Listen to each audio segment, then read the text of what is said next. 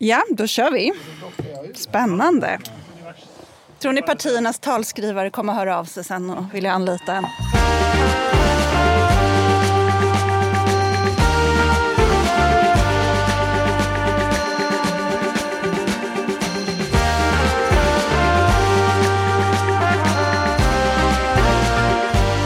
Det blev Daniel Heldén som fick Miljöpartiets valberedningsförtroende och nominerades till nytt manligt språkrör.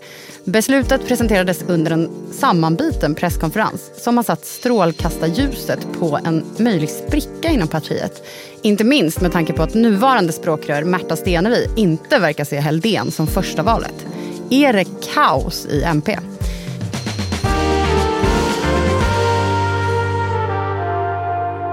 Det här är Älskade politik. Idag om språkrören i Miljöpartiet. Jag heter Evelyn Jones. Lina Lund är här. Hej. Hej. Och Thomas Ramberg. Tjena. Tjena. Hej och välkomna.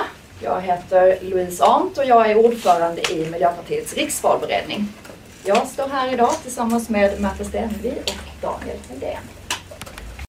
Som vi har väntat på att Miljöpartiets valberedning skulle presentera vilken av alla otaliga tolv manliga språkrörskandidater som de skulle nominera till språkrör. Och sen gjorde de det och det var en lite speciell presskonferens. Jag börjar med Märta Stenevi. Du är 47 år från Malmö och språkrör sedan januari 2021. Daniel har lång politisk erfarenhet i Miljöpartiet. Du är riksdagsledamot men har även varit trafikborgarråd i Stockholm.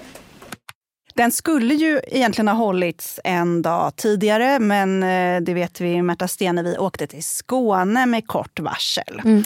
Detta för att eh, hon behövde komma hem till sin familj, säger hon. Men enligt anonyma källor i Svenska Dagbladet så handlade det egentligen om att hon ska ha slagit bakut när hon fick höra att valberedningen valt då Daniel Heldén till hennes eh, föreslagna parhäst.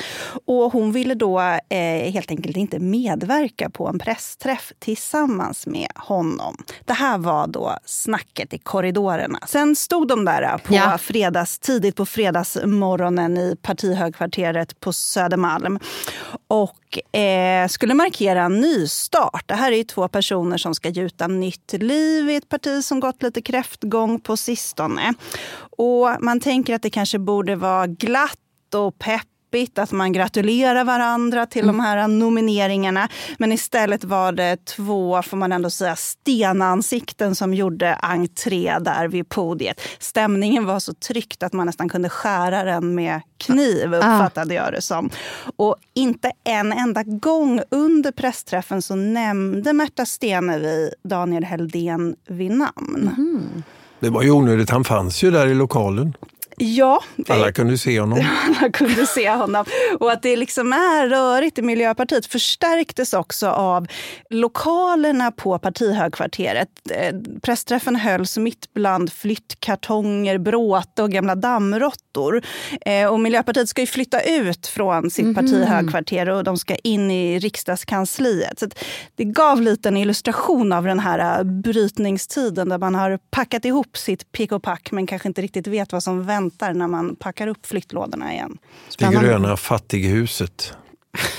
är det det? Ja, men det är av ekonomiska skäl bland annat. Att tvingas eh, dra ihop sina resurser och flytta och sådär när det var dags för enskilda intervjuer så ställde jag frågan till Märta Stenevi om hur hon hade reagerat när hon fick det här beskedet från valberedningen om Daniel Heldén. Och då gjorde hon som politiker så ofta gör och svarade på en annan fråga. Hon svarade på hur hon hade reagerat när hon blev nominerad. Mm, Mycket smart. Klart. Men apropå reaktioner då. Du fick inte veta hur Märta Stenevi reagerade. Men hur reagerade världen på beskedet? Ja, den Miljöpartivärlden fanns ju lite olika reaktioner beroende på vad man då tycker om partiets framtid. Det är ju ingen, alldeles oavsett hur det var det här sista dygnet eh, så är det ju ingen hemlighet om att Märta Stenevi och Daniel Heldén har olika perspektiv. Det har de ju berättat om i olika mm. intervjuer. Och det står klart att de inte vill samma sak mm. och, och, därmed finns det en eh, politisk kemi, eh, åtminstone förmodligen också en dålig personkemi, det har vi ju sett. En del miljöpartister undrade ju då hur valberedningen tänkte här. Den pratar ju om att de ska komplettera varandra men eh, det kanske är ett recept för att bygga in en ständig personlig konflikt eller en ständig politisk konflikt som förenas med en personlig konflikt. Det var liksom en del som var oroliga för, för man har ju sett tidigare i Miljöpartiet att det har funnits konflikter mellan språkrör. Andra tyckte att Stenevi inte visade tillbörlig respekt för valberedningen, de demokratiska processerna i partiet, Eh, att hon borde ha varit hyfsad och artig och sagt jag gillar att vi står här tillsammans, vi kommer att bli ett bra team, vi ska jobba ihop för Miljöpartiet ska växa och så vidare. Eh, och att det kanske försämrade faktiskt hennes ställning en del att hon uppträdde på det där lite snåla viset mot Daniel Eldén. Mm. Men nu händer det någonting här i studion. Thomas hår har börjat växa ut till en hästsvans. Och Lina, ditt hår har också växt. Det blir mörkare och lockigare. Plötsligt sitter Daniel Heldén och Märta Stenevi i studion. Välkommen Daniel. Tack. Du har 45 sekunder på dig att förklara. Vilket parti vad hände? Jag vill börja. Nej, nu tar vi Daniel Heldén först här. Vilket parti vill Daniel Heldén att MP ska vara i framtiden? Alltså den dag jag behöver 45 sekunder så har Miljöpartiet förlorat varje millisekund vi lägger på att tala om något annat än klimat och miljö som språkrör är förlorade millisekunder och förlorade väljare. Vi ska koncentrera oss helt och hållet på frågan om klimatet och miljön vi ska inte splittra oss på något annat. Inte hålla på med det där breda social rättvisa, antirasism hit och dit. Förlåt, nu sa jag det. Nu förlorade jag några millisekunder. Om jag har några kvar nu, då säger jag klimat, miljö, klimat, miljö. Märta, du håller med va? Nej, men med mig, Märta Stenevi, så får du ett parti som är till för fler än trädkramarna och fältbiologerna. Jag vill bygga ett hållbart och rättvist samhälle för alla. Endast så kan vi ha en politik som också minskar utsläppen. Ska vi lösa klimatstriden måste vi ta strid för förortsmammorna, för vårdpersonalen, för lärarna. Vi måste kämpa för minoriteter, för kvinnorna, för freden, de fattiga och de utsatta. Och samtidigt värnar vi skalbaggar och fladdermöss och alla de andra. För det hänger ihop. Jag, Stenevi, ser hela paletten av de utmaningar vi står inför. Och här går du, Daniel Heldén, din enfrågepartist bet. Tack så hemskt mycket för dessa anföranden. Äh, nu är Thomas och Lina tillbaka i studion. Och då hej, undrar jag, hej, hej. kan man prata om en Märta Stenevi-falang och en Daniel Heldén-falang i Miljöpartiet? Det är väl det som är lite eh, problematiskt. För ett parti som ligger illa till eh, börjar blanda ihop personval med en politisk diskussion om sin framtid. Det är liksom ett ganska säkert sätt att få ett giftigt och jobbigt klimat. Och Det är också ett säkert sätt att skapa en splittring och det är väl den oredan vi ser nu. Mm. Därför att det egentligen så handlar ju inte Miljöpartiets problem om vilka personer som företräder Miljöpartiet utan det handlar ju om det läge, det väldiga politiska och opinionsmässiga svaghetstillstånd man har hamnat i under rätt många år nu och mm. som fick sin kulmen i det här senaste valet som ju var väldigt uselt för partiet. Även om man brukar berömma sig för att man gick fram något i, jämfört med vad man trodde så har man ändå liksom varit helt beroende av stödröster. Och i den där eh, diskussionen så finns det ju, som vi hörde här, de som tycker att vi måste vara bredare, mer socialt. Vi ska locka en massa människor som inte förstår att vi har svar på alla samhällets problem rättviseproblem, antirasism, jämlikhet, eh, internationell solidaritet och sånt. Medan de, om man nu ska kalla det Heldén-falangen, säger att ja, men vi måste växa på det vi har någon möjlighet att växa. De lägst hängande frukterna visar alla undersökningar är miljö och klimat. Det är den enda fråga där vi och dessutom, trots vår svaghet, har det största förtroendet av alla partier enligt väljarna. Mm. Så det är vår enda chans att, att bli någonting här nu. Jag tänker begreppet falangstrider kanske för tankarna mycket till den här gamla kampen mellan realos och fundisar eh, på 90-talet som mm. ju handlade om någon sorts Miljöpartiets grundläggande förhållande till makten. Huruvida man skulle söka regeringsmakt och inflytande eller hålla sig som det eviga oppositionspartiet. Och den konflikt man kan se nu, eller skiljelinjen mellan eh, Märta Stenevi och Daniel Heldén handlar väl mer om vad man ska kommunicera. Det är väl ingen liksom, grundläggande skillnad i sakpolitiken annat än vart fokuset ska ligga framför allt. Um, Men sen tror jag att eh, från, från de som stödjer Märta Stenevis inriktning så används ju Heldéns samarbete till höger i Stockholm eh, där han ju som lokalpolitiker har varit eh, samarbetat både till vänster och till höger eh, men när han då har samarbetat med Moderaterna så har ju det gjort att han har fått en högre profil. Mm. Eh, och det används emot Heldén i den interna partidebatten. Så man skulle också kunna säga att det, finns, att det är en vänsterfalang och en högerfalang? Man talar ibland om en vänster-högerfalang här i Miljöpartiet och det tror jag har en viss grund. Alltså det finns ju, eh, även om man inte direkt är höger när man är Miljöpartiets höger, så är man eh, liberal, marknadsinriktad, eh, inne på att det går bra att samarbeta även med borgerliga partier, åtminstone lokalt. Det är ju så att säga spärrat på riksnivå då med mm. Sverigedemokraterna. Och så. Så, den eh, inriktningen finns ju. Har du också valt att bli egen? Då är det viktigt att skaffa en bra företagsförsäkring. Hos oss är alla småföretag stora och inga frågor för små. Swedeas företagsförsäkring är anpassad för mindre företag och täcker även sånt som din hemförsäkring inte täcker. Gå in på swedea.se företag och jämför själv. Alltså äter du i duschen? Nej, det gör jag verkligen inte. Men alla gör ju det nu. Duschsnacks, Frans. Vilka är alla? Ja, men alla på TikTok och bloggar och allt möjligt. Så det är, de har en tallrik i duschen och så är det lite så här oliver och ostbågar typ. Nej men gud, tapas. Där drar jag gränsen. Jag, jag kan sträcka mig till duschöl. Men annars så får man torka sig innan man hugger in på godsakerna. Ja, men lyssna på Nära vänner, en podd med mig Fanny och dig Frans med Expressen. Viktiga nyheter.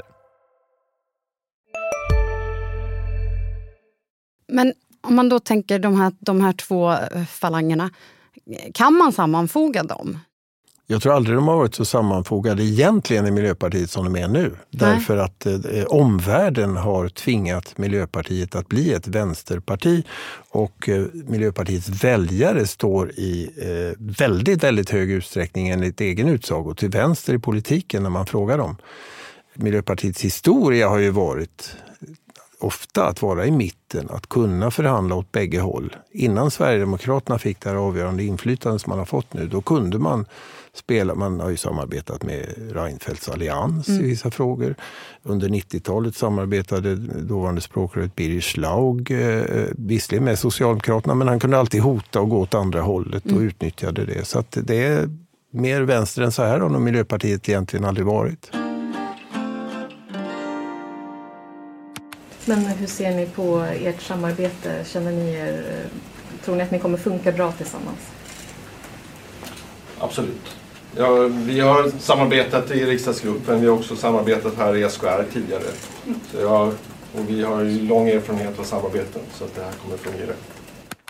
Det såg alltså lite stelt ut på den här pressträffen. Eh, Märta Stenevi bollade snabbt över frågan om huruvida de två språkrörskandidaterna skulle kunna samarbeta om de blev valda ihop till Daniel Heldén som fick svara på den frågan.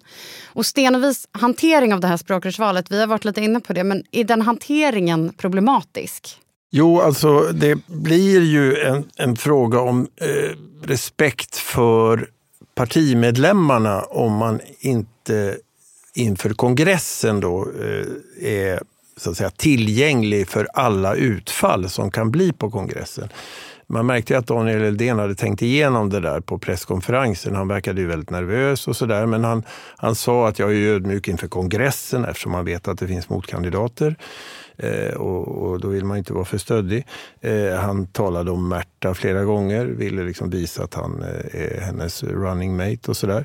Eh, men Märta Stenevi visade inte det åt andra hållet. Och det finns en del eh, i Miljöpartiet, även de som sympatiserar med Märta Stenevis inriktning, som säger att det där förlorar hon på. Det, det, det kan väga över till hennes nackdel. Jag tror till och med att hon skulle kunna vara tvungen att dra sig tillbaka så att någon annan skulle få framträda som det andra språkröret istället om hon inte kan släppa den där oviljan. Nu, nu har de det här språkrörsvalet som pågår, men de har ju också haft det lite knackigt i opinionen. Eh, och de gjorde inte ett dunderval precis. Hur ser det ut idag för dem? Ja, men de är nog själva ganska förvånade över att det inte har gått bättre. En av liksom, tidens stora frågor är ju deras hemmaplan. Klimatlarmen har duggat tätt extremvädret dominerade mycket av medierapporteringen hela sommaren. Regeringen får svidande kritik för att man nu ökar eh, utsläppen. Och ändå eh, lyfter inte Miljöpartiet. Och när man pratar runt i partiet så är det tydligt att det är de här åren i regering som fortsatt är väldigt såriga. Mm pratade med Jakob Dalunde som nu eh, har varit deras man i Bryssel och som precis meddelat att han ska lämna politiken. Och han ställde en ganska jobbig diagnos. Att Miljöpartiet har både lyckats reta upp kärnväljarna och den radikala miljörörelsen som inte längre litar på att partiet menar allvar när de pratar om förändring. Och samtidigt har man gjort resten av samhället förbannade på Miljöpartiet och tyckt att de gått för långt. Eh, så Att de framstår som verklighetsfrånvända moralister. Och eh, det här är ju en rävsax att sitta i. Det låter som ett jobbigt läge. Eh, minst sagt. Ja. Miljöpartiet blev ju en ofrivilligt utnyttjad av högersidan i politiken. istället för att gå rakt på Socialdemokraterna som har ganska stark ställning i väljarkåren så gick man via Miljöpartiet. Så det är Miljöpartiet som har styrt att det har blivit så här. Det är Miljöpartiet som har ställt till det här i fråga efter fråga. Eh, och, och då, det är lite grann som när Magdalena Andersson säger, det är Sverigedemokraterna som styr Ulf Kristersson. Just det. Så att eh, där lyckades man då samtidigt göra Miljöpartiet till, eh, det vet man ju smärtsamt väl i sin egen interna analys i Miljöpartiet, till ett av Sveriges mest, två mest hatade partier. Mm. Det är bara Sverigedemokraterna och Miljöpartiet som liksom, de är i någon sorts bottenstrid där om att vara mest hatade. Och det där är ju eh, förstås ett bekymmer om man vill komma ut. Så att mycket av det som händer nu är ju att man tvistar om hur man ska kunna förbättra sitt varumärke, mm. för att snacka managementspråk. Och då händer det ju en annan sak där som också visar kanske på den här eh, eh att det är lite rörigt i partiet. Märta Stenevid, personal på Miljöpartiets kansli har ju eh, klagat på din, eh, ditt ledarskap. Så hur vill du beskriva din ledarstil? Jag ska börja med att säga då att det som eh, har framkommit i media är uppgifter som vi tar på väldigt stort allvar. Och det kommer eh, att tittas på, med, vår kanslichef kommer att hantera det enligt de rutiner vi har. För att det är väldigt viktigt att Miljöpartiet är ett ställe där man kan utföra sina arbetsuppgifter men också växa och trivas på jobbet. Min ledarstil, jag har varit, eh, långt innan jag gick in i politiken för tio år sedan så har jag varit chef sedan jag var 25. Och jag skulle säga att min ledarstil är att jag jobbar väldigt nära mina medarbetare. Eh, jag jobbar med stort förtroende, eh, men också med en tydlighet och en bestämdhet. Det, det var ju från partiets tjänstemän. Där för några veckor sedan så skickade fackklubbarna på då Miljöpartiets riksdagskansli ett mejl till just då valberedningen inför det här språkrörsvalet där de larmade om arbetsmiljön kring Märta Stenevi. Och en person beskrev då hennes ledarstil som toxisk toppstyrning. Och det här mejlet till valberedningen eh, liksom sågs av vissa som ett sista sätt att försöka klara ut det här problemet med arbetsmiljö inne på riksdagskansliet. Och nu har partiet tillsatt en utredning kring den här arbetsmiljön. Men är det här liksom en del i en större problematik då i partiet? Ja, men det blir ju jätte jättejobbigt att hela tiden behöva svara på frågor om den interna arbetsmiljön och eh, konflikter inne i partiet när allt man vill är att nå ut med sin politik. Och det här är ett parti som ska vara snällt och nu mm. kommer anklagelser om att det bedrivs smutskastningskampanjer till höger och vänster. Och en av de som reagerade på det eh, efter det här turerna kring presskonferensen var ju Grön ungdoms språkrör Rebecka Forsberg som skrev på X att folk i MP måste sluta lajva House of Cards. Mm. Jag är så jävla trött på folk som gömmer sig bakom anonymitet för att ljuga i nationell media för att svärtmåla eh, Märta, skrev hon. Och det finns ju tecken på att personer som stöttar Daniel Heldén hör av sig till media och kommer med olika påståenden och eh, tankar som ska sätta Märta Stenevi inte en alltför god dager. Och eh, det kommer information från andra håll också. Så det helt klart pågår det mycket i kulisserna och att det är ett maktspel nu som i vilket annat parti som helst. Och det är klart det är ett kristecken eh, mm. att man hamnar i såna här... Problemet för dem som, som då kanske helt allvarligt och ärligt tycker att det finns ett samarbetsproblem och att det är jobbigt att vara tjänsteman hos Miljöpartiet samarbetar med Märta Stenevi, det är ju att motsidan då kommer ju hela tiden och de som stödjer Märta Stenevi kommer säga det där gör ni bara politiska skäl, det är bara hugg i mm. ryggen. Och ibland är det ju en blandning förstås, ja. men ibland är det ärligt känt. Men eh, den det höll ju på att, eh, apropå vad Lina sa om att man får prata om det här hela tiden istället för att prata politik. Det höll ju på att bli så i, i SVTs partiledardebatt i Agenda, där programledarna i en partiledardebatt om de politiska linjerna tog upp den här frågan om Märta Stenevis med lite illa dold eh, förevändning kan man säga, ja, lyssnarfråga. Tog upp den här frågan om Märta Stenevis ledarskap. Eh, då fick hon nog faktiskt ett plus därför att Magdalena Andersson och Ebba Busch ställde upp för Märta Stenevi mot programledarna.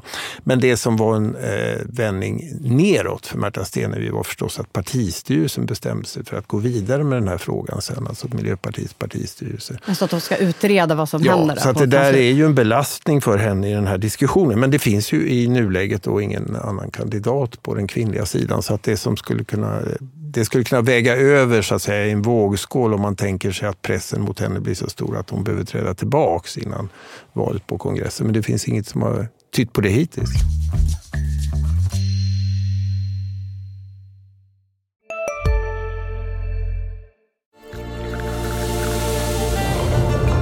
Välkommen till Maccafé på utvalda McDonalds restauranger med Baristakaffe till rimligt pris. Vad sägs om en latte eller cappuccino för bara 35 kronor? Alltid gjorda av våra utbildade baristor. Hej, Synoptik här. Hos oss får du hjälp med att ta hand om din ögonhälsa. Med vår synundersökning kan vi upptäcka både synförändringar och tecken på vanliga ögonsjukdomar. Boka tid på synoptik.se.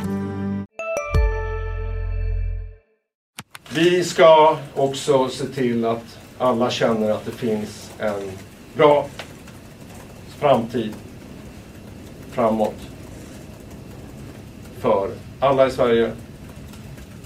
Jag ser fram emot att få eh, tillsammans med Märta vara med och företräda Sveriges absolut viktigaste parti. Det har ju varit väldigt tyst från kvinnliga eh, motkandidater till Märta Stenevi. Eller, eller väldigt, väldigt tyst. Helt, helt tyst. Eh, men men eh, på den manliga sidan har det inte ju varit det. Vi har pratat om det här förut. Men 12 personer var sugna på att ta över efter Per Bolund eh, aviserade sin avgång. Valberedningen valde då Heldén. Men det eh, gjorde inte att den här kampen riktigt slutade. För det finns några stycken som inte alls har gett upp utan fortsätter kandidera inför kongressen då, där det här ska avgöras. Vilka är det? Ja, men Miljöpartiet är ju inte som andra partier. Här pågår det verkligen en frejdig kamp och ofta är det osäkert eh, ända in i det sista vem som verkligen eh, får ta över.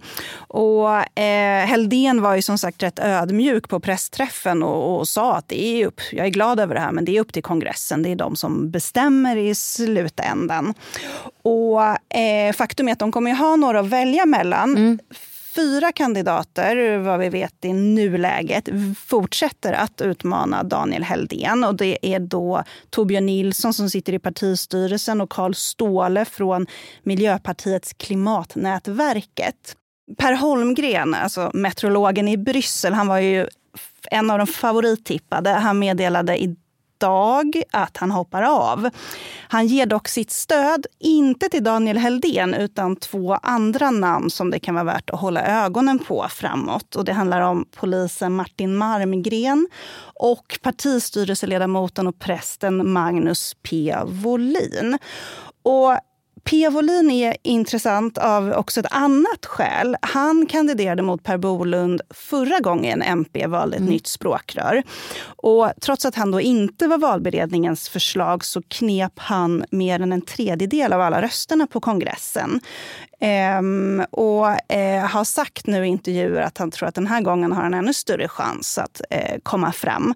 Och han är ju lite mer på Märtas linje, vill bredda partiet eh, och har själv sagt att det är viktigt att kunna, viktigt att kunna visa upp någon sorts eh, enighet. Så att, eh, det är väl en gissning i alla fall att det är någon som Märta Stenevi kanske gärna skulle se vid sin sida. Men är det märkligt eller vanligt att Per Holmgren i det här eh, fallet då säger att han vill stötta två andra kandidater. Inte valberedningen, men inte ja, en av de andra. Han väljer två.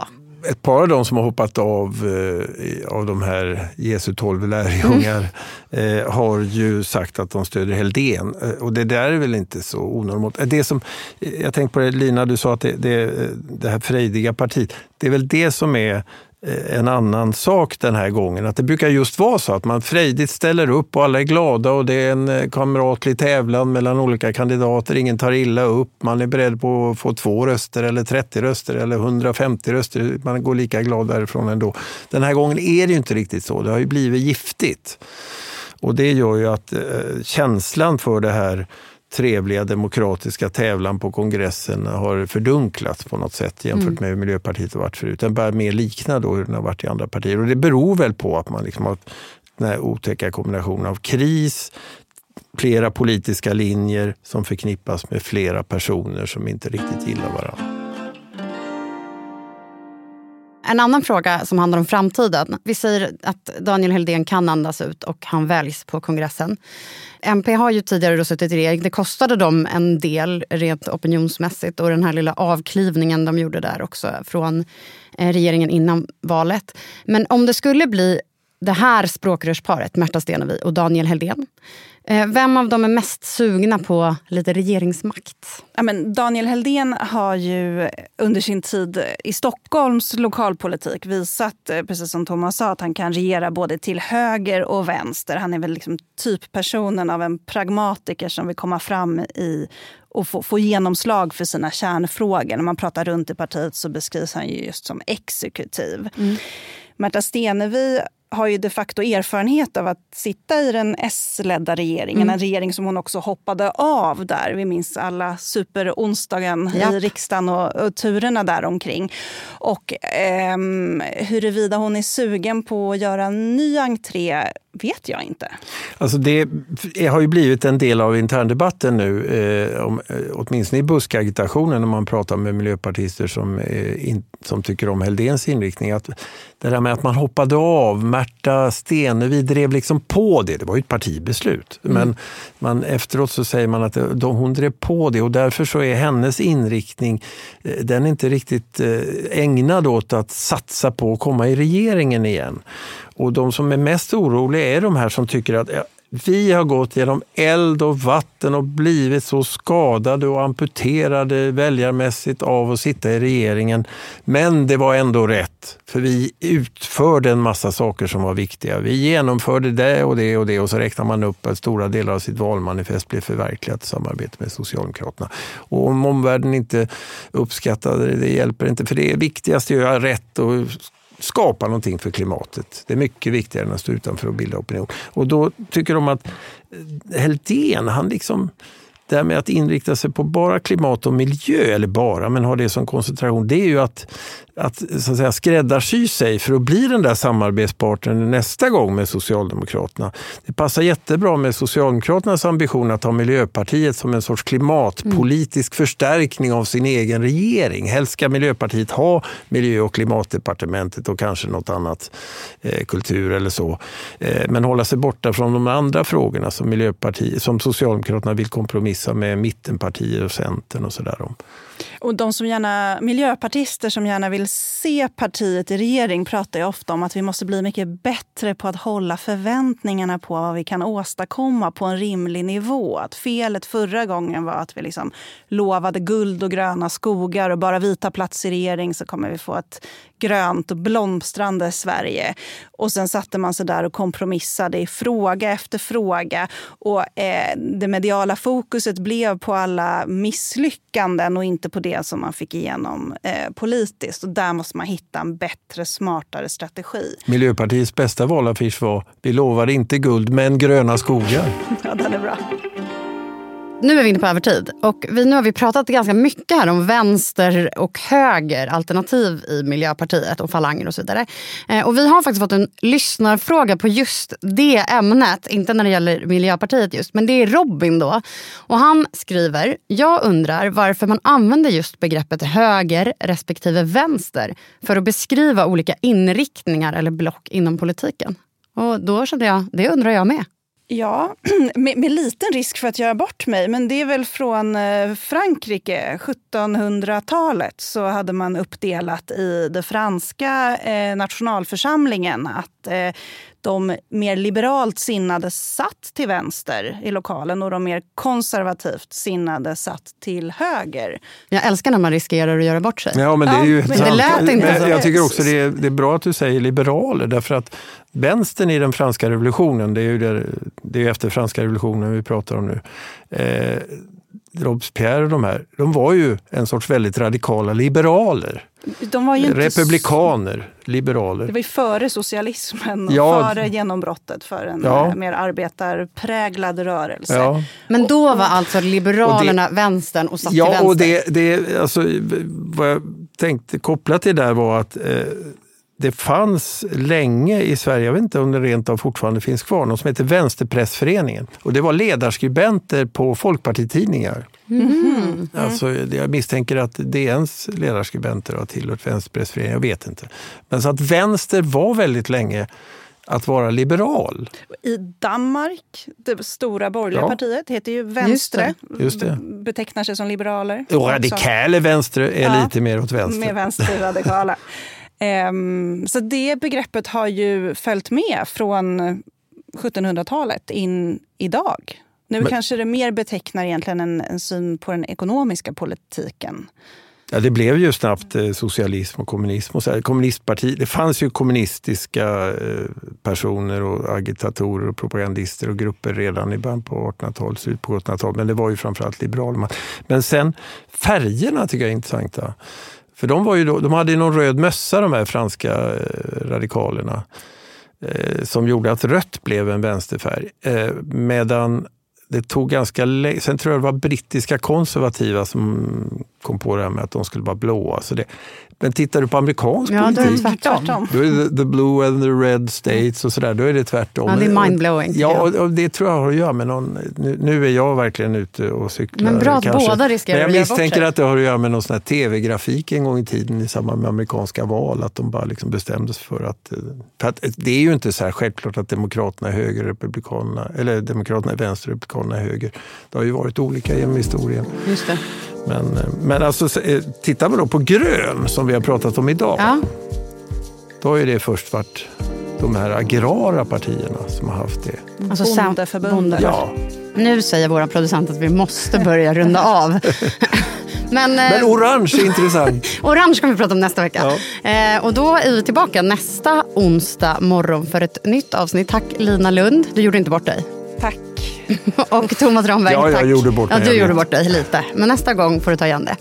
Eh, och tack för att du lyssnade. Producent var Viktor Aldén. Klippning och musik Patricio Samuelsson. Klippen kommer från SVT och Miljöpartiets egna kanaler. Och ansvarig utgivare för Dagens Nyheter är Peter Wolodarski.